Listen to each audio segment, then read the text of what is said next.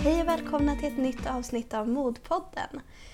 Det här är en podcast som handlar om alla aspekter av organdonation och transplantation.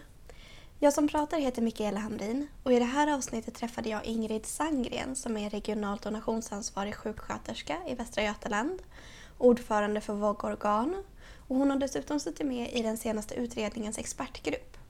Vi kommer prata om hur det är att jobba med organdonation inom intensivvården och varför det behövs vissa förändringar. Vi kommer också prata mycket om den senaste utredningen, förslagen som lades fram och varför de förslagen skulle kunna vara ännu bättre. Här kommer intervjun med Ingrid.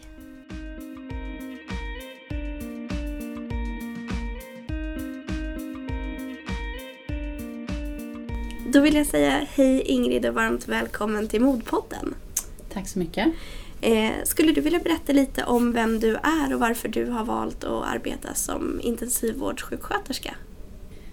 Jag har alltid velat bli sjuksköterska. Ända sedan jag var liten. Jag har varit påhejad av min familj som har tyckt att ja, men det, det är ett bra yrke. Jag blev sjuksköterska. Jag har aldrig ångrat det. Tycker att det är det mest fantastiska jobbet. Så att jag, jag kommer från en väldigt sjukvårdspositiv familj. Min man eh, läste till läkare efteråt och är numera narkos och IVA-läkare på detta sjukhuset också. Så vi är väldigt eh, insyltade i, i sjukvård och vi trivs bra med det. Vad roligt att höra. Vill du berätta hur det är att jobba på en intensivvårdsavdelning? Vilka typer av patienter är det ni jobbar med till exempel? På en intensivvårdsavdelning generellt så jobbar man ju med de svårast sjuka patienterna som finns på sjukhuset. På centralintensiven på Sahlgrenska här i Göteborg där jag jobbar, vilket är, eh, jag tror det är norra Europas, men i, i alla fall Nordens största intensivvårdsavdelning, vårdar vi väldigt många typer av patienter. Det är eh, allvarliga blodförgiftningar, vi har de levertransplanterade, det är trauman, en del barn, eh, vissa diagnoser och stor kirurgi. Det är väldigt varierande den gemensamma faktorn är väl att de behöver väldigt mycket vård under en tid. Men det är väldigt varierat. Väldigt varierat. Det är, det är en av de sakerna som gör att det är så roligt och spännande. Och idag så kommer vi prata om organdonation. Ja. Eh, och du är ju regionalt donationsansvarig sjuksköterska i Västra Götalandsregion. Vad innebär det egentligen och hur ser det arbetet ut?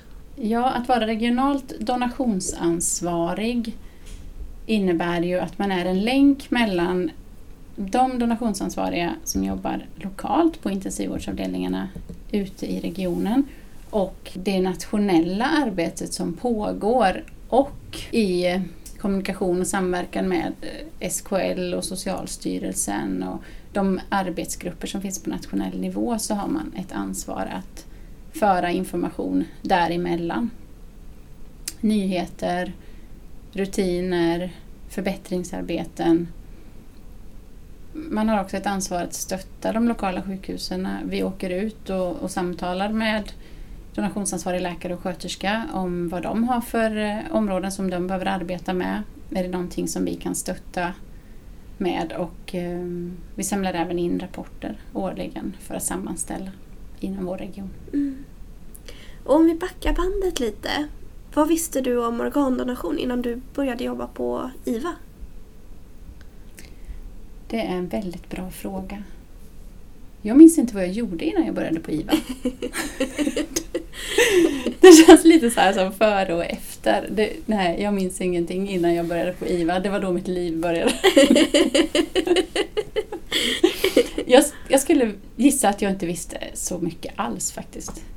Men jag har inget så konkret att nej. oj, finns donation? Jag, nej, jag, jag, visste nog väldigt lite faktiskt. Ja. Minns du första gången, eh, första donationsprocessen som du var med i? Um, jag, jag, kan inte säga att det var den första som jag var med om som jag minns starkast. Men jag, jag minns ju en donation en donationssituation som sen ledde till att jag fick erbjudandet om att bli donationsansvarig Mm. och sen bara några veckor senare även regionalt donationsansvarig.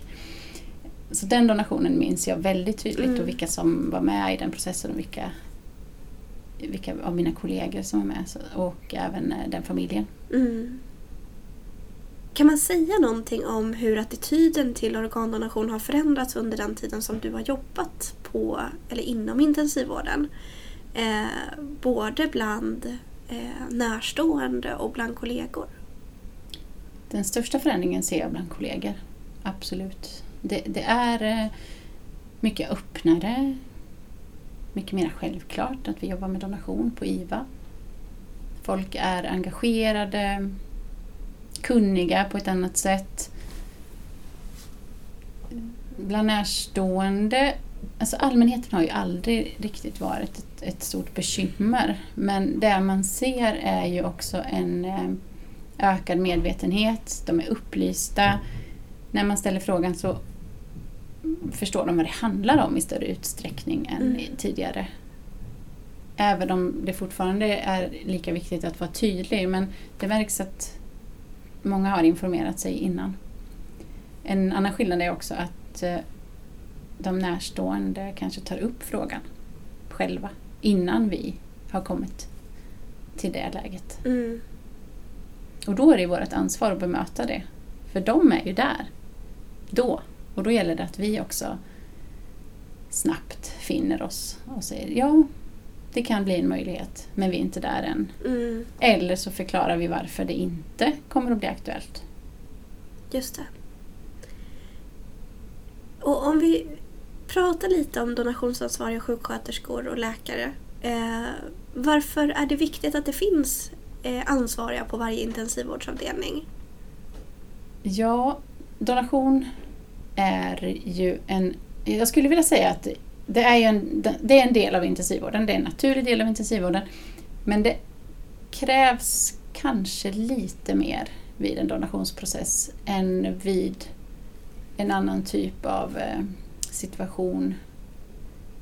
En annan typ av patientsituation och närstående eh, relation än Alltså donation, det, är, det, det är speciellt. Mm. Och jag tror, innan så var vi väldigt optimistiska, vad ska vi säga, ett antal år sedan när jag började med detta och tänkte att ja, men det bästa kanske hade varit om vi jobbade bort oss själva. Vi utbildar så pass mycket och intensivt så att det här ska alla kunna, det här ska vara en naturlig del av intensivvården. Och vi kommer så småningom som dal och das kunna jobba bort oss själva Mm.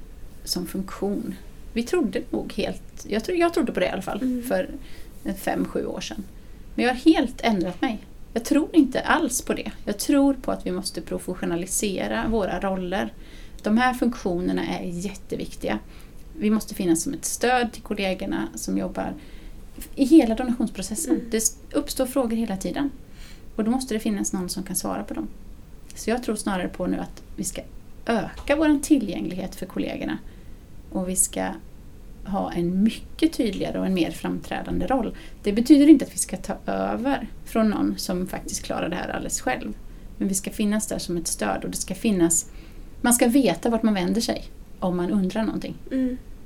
Och du som regionalt donationsansvarig, hur mycket tid lägger du på, på det jobbet varje vecka? Ehm, Det är inte riktigt samma som hur mycket tid jag har. Nej, hur mycket tid lägger jag? Jag, eh, ibland lite mer än vad jag har avsatt. Men jag har 50 procent. Och jag har dessutom en kollega, Nina, som utgår från eh, NÄL, ett annat sjukhus i regionen. Så vi har 100 procent regionalt donationsansvarig sjuksköterska i Västra Götaland. Mm. Vilket är jättebra. Jag tror att det är mest i Sverige. Så vi har delat upp det lite grann. Mm. Jag har lite mer organfokus, DCD, eh, jag har varit med i utredningen och Nina har ägnat sig lite mer åt vävnad och stöttat upp i regionen under tiden jag har varit med i utredningen och ägnat mig åt nationellt arbete.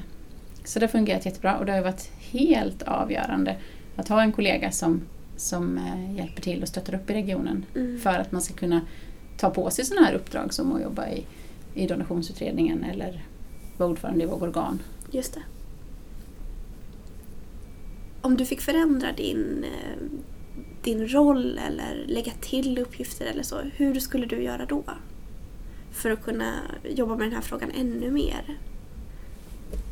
Eller på ett bättre sätt. Alltså det är ju ett väldigt fritt arbete på det sättet. Så om vi, alltså jag jobbar ju nära med Nina och jag jobbar ju nära med vår regionalt donationsansvariga läkare Pia Lövhagen. Och det vi anser att behöver göras i regionen, det står oss ju ganska fritt att bestämma att nu ska vi jobba med detta. Som till exempel så vill vi prioritera att vi åker ut till alla intensivvårdsavdelningar nu och verkligen pratar med de lokala, tar reda på vad de behöver för eh, stöd eller hjälp. Eller så, så då har ju vi prioriterat det och då gör vi det. Ja. Sen om det skulle vara någonting som kostar pengar, då är det ju en annan fråga för vi har ju inte det mandatet att bestämma över ekonomin i regionen.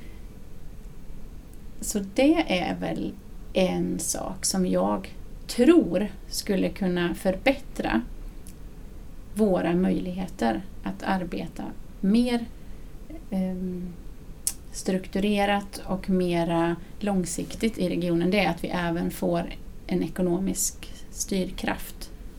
Så att vi kan fördela resurserna gentemot de lokala sjukhusen över tid så att det handlar om om man har någonting som behöver startas upp på ett sjukhus då kanske man behöver mer tid en kort period och då ska man också få mer resurser. Mm. Sen kan man gå tillbaks till det vanliga. Så där tror jag att eh, det skulle jag vilja göra.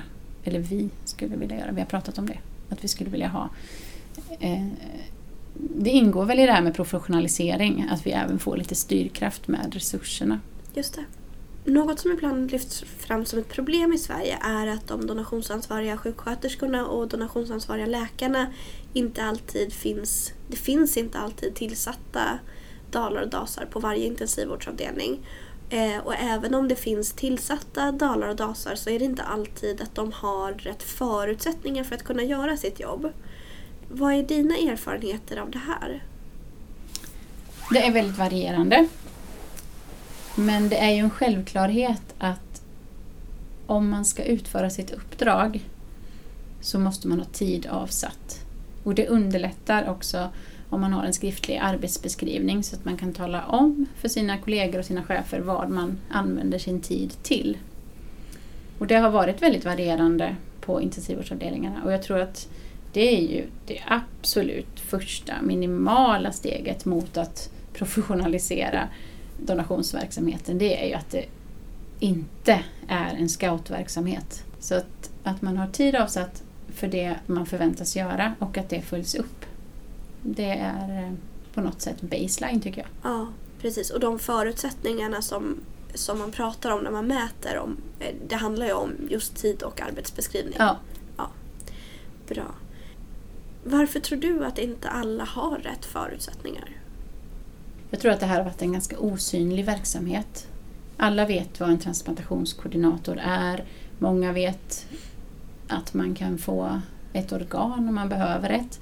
Men inte lika många vet hur det går till när någon ska donera och det ganska omfattande arbete som krävs för att en donationsprocess ska vara, komma till stånd och genomföras i sin helhet. Det är en ganska omfattande arbetsinsats för intensivvården.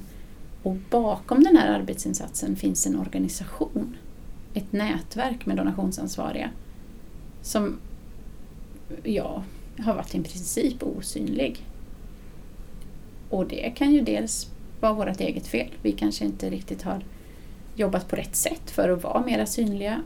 Men eh, jag tror också att man kanske inte riktigt har um, förstått donationssidan alls.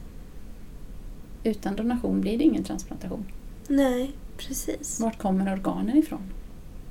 Skulle du säga att organdonation är en naturlig del av vård i livets slutskede på Sveriges intensivvårdsavdelningar? Jag tycker absolut att donation kan vara en naturlig del av vården i livets slut. Absolut.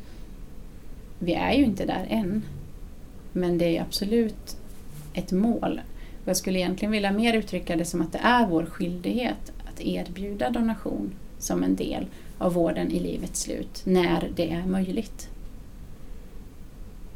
Jag tänker att vi ska prata lite generellt om, om organdonation. Eh, skulle du vilja berätta varför det bara är patienter som dör på en intensivvårdsavdelning som faktiskt kan bli donatorer i Sverige? Ja, hittills har det varit så att för att kunna donera organ så måste man avlida på en intensivvårdsavdelning. Och det är för att det måste ske under pågående respiratorbehandling. Man är alltså intuberad och vårdas med en respirator när man dör till följd av total hjärninfarkt och döden kan konstateras med hjälp av direkta kriterier. Om det är någon som undrar vad direkta kriterier är för någonting, skulle du vilja berätta det? Ja, det här är ingenting som vi sjuksköterskor ägnar oss åt, det är våra läkare som gör det. Men det går ut på att man gör en klinisk hjärndödsdiagnostik där man kontrollerar reflexerna i hjärnstammen mm. och på ett väldigt säkert sätt kan konstatera en person avliden. Det här gör man enligt ett särskilt protokoll. Mm. Hur ser donationsprocessen ut från ditt perspektiv? Vi vårdar en patient på IVA och vi har kommit till vägs ände. Vi har försökt hjälpa den här personen men det går inte. Om det då är en möjlig donator så pratar vi om det med närstående. Närstående får ju samtal hela tiden. Från att de kommer in genom dörrarna på IVA så har man ju information, samtal om hur läget är, Eh, hur prognosen ser ut och så vidare. Så det här är ju inte tidigt i, i vården utan det här eh, kommer lite senare. Och de är sannolikt och ska vara införstådda med att det inte går att rädda personen i fråga när donationsfrågan kommer. Det här är ju någonting som är väldigt viktigt för oss att identifiera när det är lämpligt, när är de redo att ta emot diskussionen eller frågan. Vi tar också ganska tidigt kontakt med eh, koordinatorerna för att om de inte är intresserade av organen av någon anledning så är det ju bra att veta det och ha med sig det in i samtalet. Och sen är det ju den avlidnes vilja som gäller. Så utgångsläget när man sätter sig med närstående är ju att vi ska ta reda på vad den döende personen hade velat om han eller hon hade kunnat svara för sig själv. Det här kan ju vara något dygn eller ett par dygn eller kanske till och med lite mer innan döden kommer att kunna konstateras. Så man får ju hela tiden förhålla sig till att det kan hända att personen inte avlider på det här sättet så att det kan bli donation. Och det är också viktigt att vara tydlig med för det blir ofta en besvikelse för närstående om man har kommit fram till att den avlidne vill donera men så går det inte. Nej, just det. Så det är viktigt att man är tydlig med. Och så är man tydlig med att från och med nu så vårdar vi inte för patientens skull. Utan det är för att det finns en möjlighet att hjälpa andra. Mm. Och det gäller ju hela vårt förhållningssätt till närstående på salen. Vi vårdar ju den här personen, den här döende människan precis på samma sätt som vilken intensivvårdspatient som helst som vi försöker rädda till livet. Vi kanske till och med lägger till undersökningar, eller mm. vi gör ofta det för att utreda att organen är i så bra skick så att de går att ge bort till någon annan. Och då är det också väldigt viktigt att man är tydlig med närstående vad man gör och varför. Mm. Och när man närmar sig att starkt misstänka att den här personens hjärna är så svullen så att personen har avlidit till följd av en total hjärninfarkt så gör ju läkarna en klinisk hjärndödsdiagnostik. Och om de då kan konstatera att personen är avliden så kan det bli donation. Och därifrån har man 24 timmar på sig eller tra transplantationskoordinatorerna och transplantationssidan har 24 timmar på sig tills donationsoperationen ska vara påbörjad. Just det. Och det är också någonting som vi försöker att berätta om för närstående, vad det innebär. Alla ställer inte frågor utan man kanske får berätta. Det vet jag att vi har varit lite mm, dåliga på kanske att tala om vad en donationsoperation innebär men det kan vara bra att tänka på. Det kan också vara bra att Eh, berätta för nästa instans, för narkossköterskorna och operationssköterskorna om hur vi har haft det inne på IVA-salen de senaste dagarna. Att det här är en person som har valt att eh, donera sina organ. Familjen har varit med på salen. Det har varit prat och skratt och gråt om vartannat. Det här är bara ett exempel men jag tycker det är viktigt att förmedla den många gånger så positiva stämning som man ändå har Mm. i detta. Jag tänker att vi hoppar. Jag vill prata med dig om utredningen. Ja, visst. Ja, där du har suttit med i expertgruppen. Skulle du vilja berätta lite om hur du ser på hela processen med donationsutredningarna? Jag tror att båda utredningarna har varit väldigt bra. Den, den andra är sprungen ur den första Mm. och jag har ju varit med i den senare då som hade fokus på juridik och etik. Jag är väldigt glad att man valde från politiskt håll att gå vidare med en utredning som fokuserade på just de frågor som man tyckte inte hade varit tillräckligt väl genomlysta i den Mm. första utredningen. Man kunde kanske ha valt att lägga det på hyllan. Så jag tycker det var jättebra att man gjorde en ny utredning. Sen tar det ju tid och det är ju frustrerande för många och Mm. för de flesta. Men jag tycker också att det har varit väldigt ehm, noggrant och ehm, det är eh, två gedigna utredningar. Jag hoppas att det är värt tiden. Det hoppas vi också. Varför är det viktigt med ett tydligare regelverk? Vi inom professionen har länge efterfrågat ett tydligare regelverk. Det betyder inte att det här är någonting väldigt nytt. För i princip så handlar utredningen om att beskriva i lag det som redan görs och det som har varit helt nödvändigt att göra på intensivvårdsavdelningar för att donation ska kunna vara möjlig.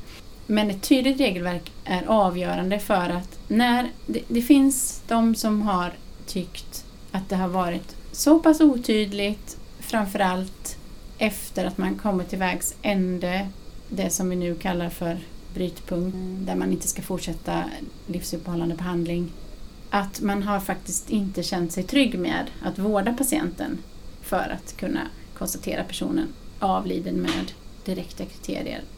Och det är ju ett problem. För att det ska bli donation så behöver man vårda. Dels så är det så att, man måste, att det tar tid att Mm. utveckla en total hjärninfarkt ibland. Och då måste man få invänta det. Det får, måste få ta den tiden. Dessutom så är det bra för organen att få optimal intensivvård i några dygn. Just det. Så man kan dessutom donera fler organ, eller ta vara på fler organ, om man har haft optimal intensivvård under några dygn. Och för att man ska känna sig trygg i att göra detta så är det oerhört bra att det finns ett lagrum att stötta sig mot. Mm. Att vi har ett begrepp på det vi gör under den här perioden. Det är tydligt att vi inte vårdar längre för patientens skull utan det kallas för organbevarande behandling. Och att vi dessutom har en tidsgräns. Den får pågå i 72 timmar. Det tror jag kommer göra att man faktiskt vårdar längre. Det hoppas jag Mm. och tror att det kommer bli en förbättring där. Sen tycker jag att det skulle kunna vara lite friare med de särskilda skälen och hur lång tid ytterligare man skulle kunna bedriva vården efter att man har kommit fram till de här särskilda skälen. Men det kan vi hoppas på att det blir också Mm. efter remissrundan. Just det.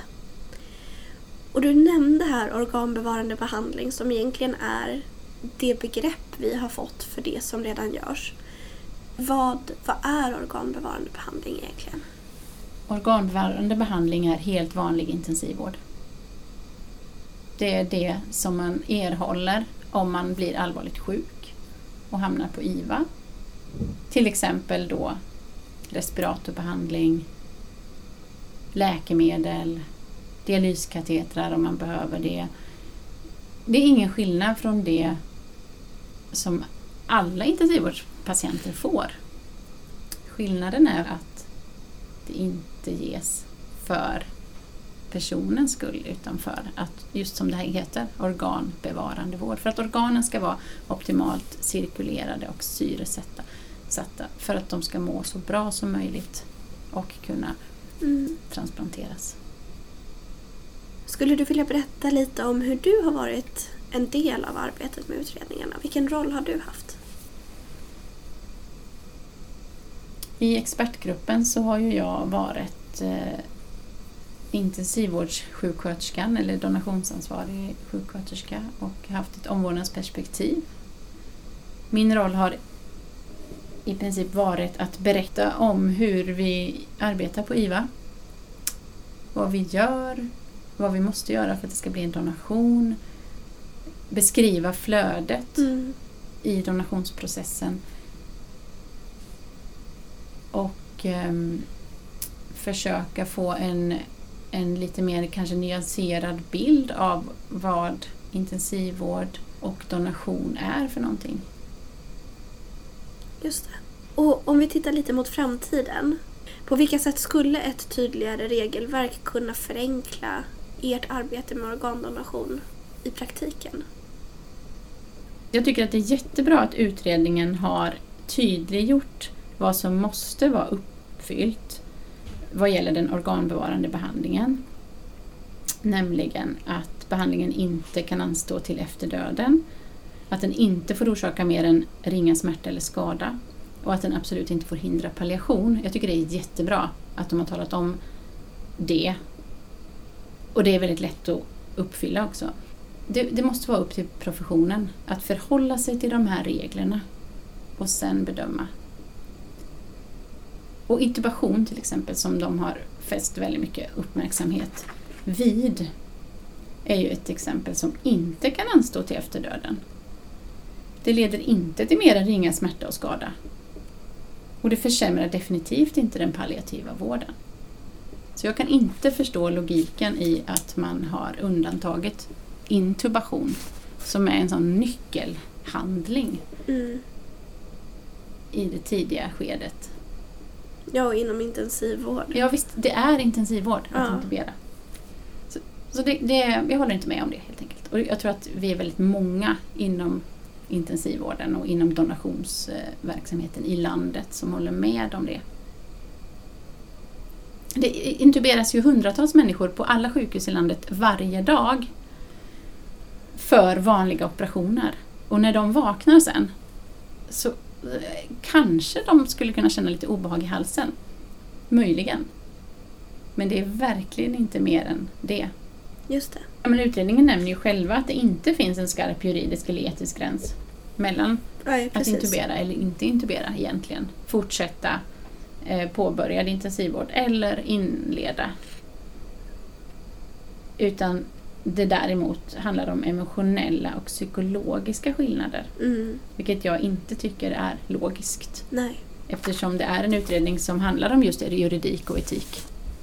Jag tycker att om, vi, om man har bemödat sig med att ta ställning till donation så är det vår skyldighet att utreda viljan och ta reda på den. Träffa som patient eller som, som sjuk så måste man träffa det här speciella fönstret där man är riktigt illa däran så att man behöver intuberas.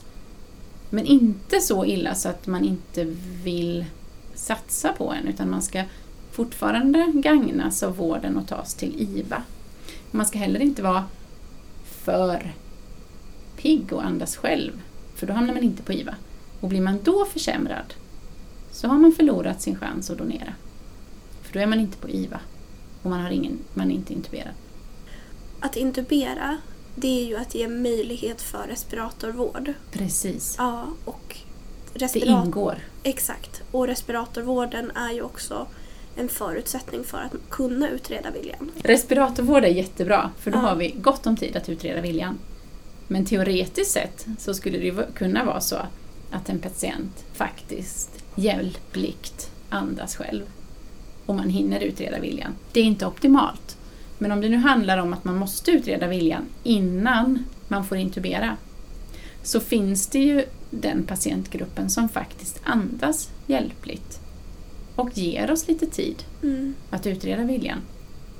För som min eh, donationsansvariga läkare Pia säger att det är ju, att det är ju bråttom att intubera när man ska intubera för patientens skull, för att rädda hjärnan. Men när man inte ska rädda hjärnan, man har bestämt sig för att det inte går att hjälpa den här patienten, utan den här patienten skulle kunna hjälpa någon annan, då är det ju för organens skull man intuberar. Och de tål ju lite mer än vad hjärnan gör. Just det. Så där finns en grupp. Det kan vara olämpligt. Och det måste vi kunna få avgöra själva. En patientgrupp som undantas är den gruppen som benämns som beslutsoförmögna och att de ska undantas från att kunna bli donatorer. Vad tänker du om det? Första gången jag fick höra det på ett av våra expertgruppsmöten var ju då när Sten berättade om det förslaget. Och så ville han höra gruppens synpunkter på det. Och jag fick faktiskt eh, jag fick eh, säga min synpunkt först. Och då sa jag att eh, jag tycker inte att den gruppen ska berövas möjlighet att donera sina organ.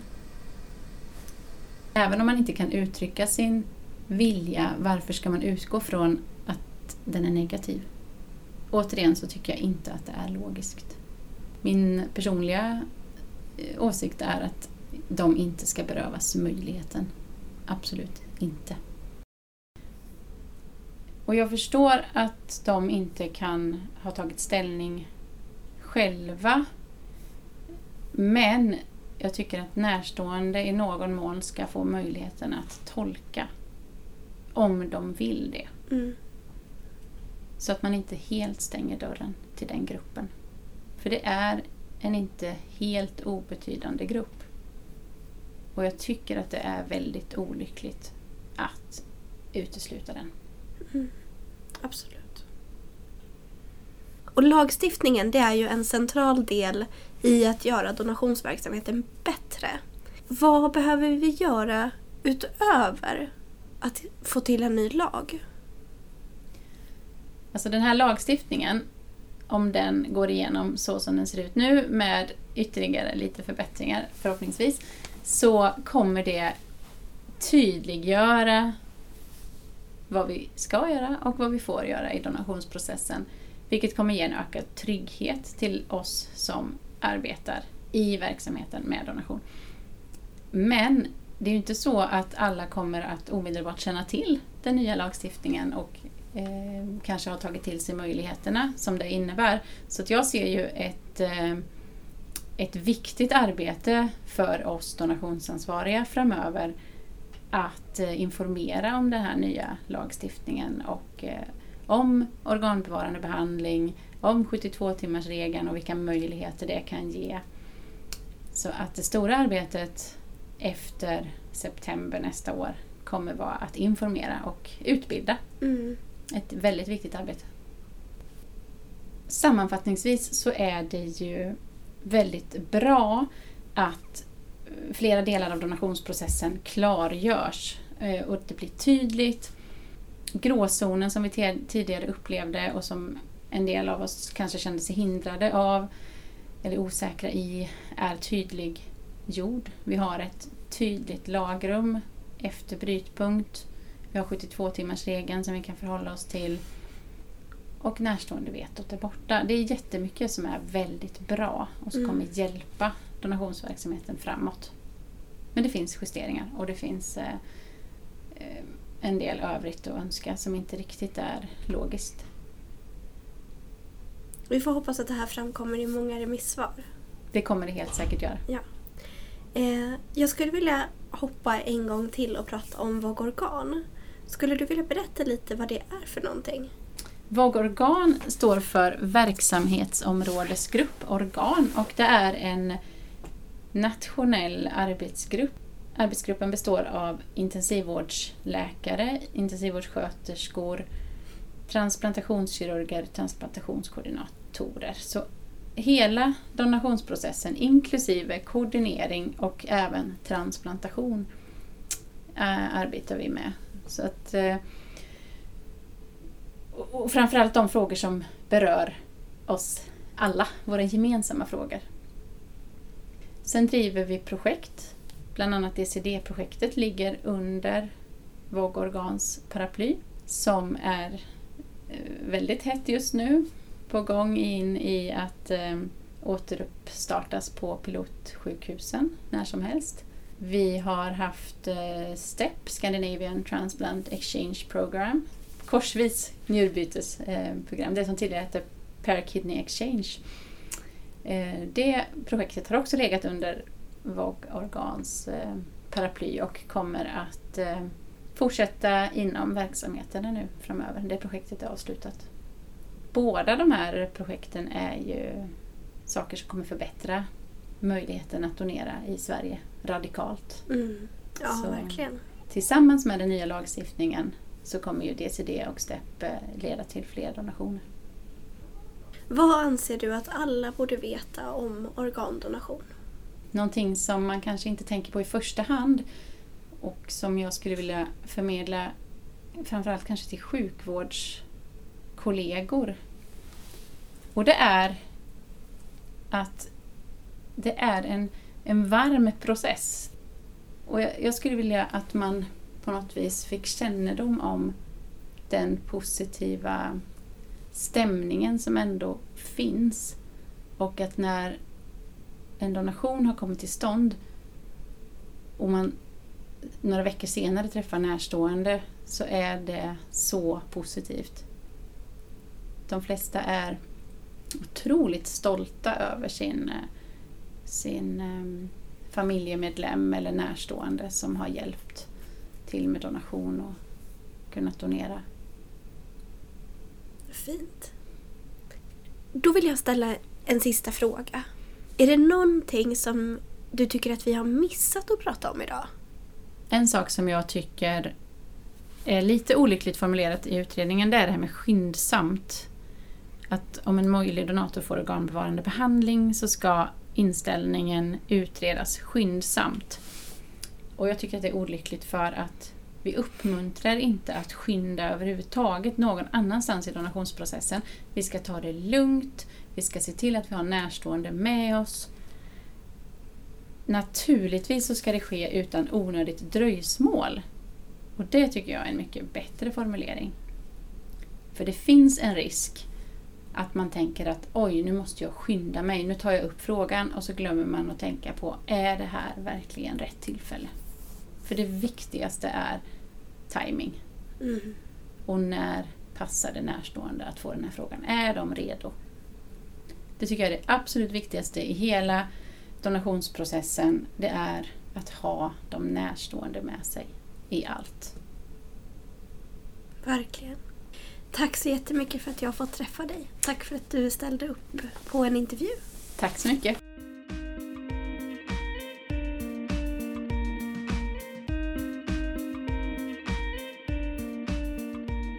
Jag tycker det var så himla roligt att träffa Ingrid och prata både om organdonation ur hennes perspektiv men också om den utredning som hon har suttit med i.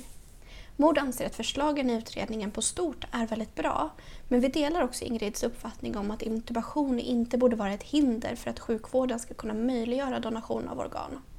Jag hoppas ni tyckte det var roligt att dyka ner i det här samtalet om ni har några frågor eller önskemål om vem ni tycker jag borde träffa och intervjua så får ni gärna mejla podden at merorgandonation.se.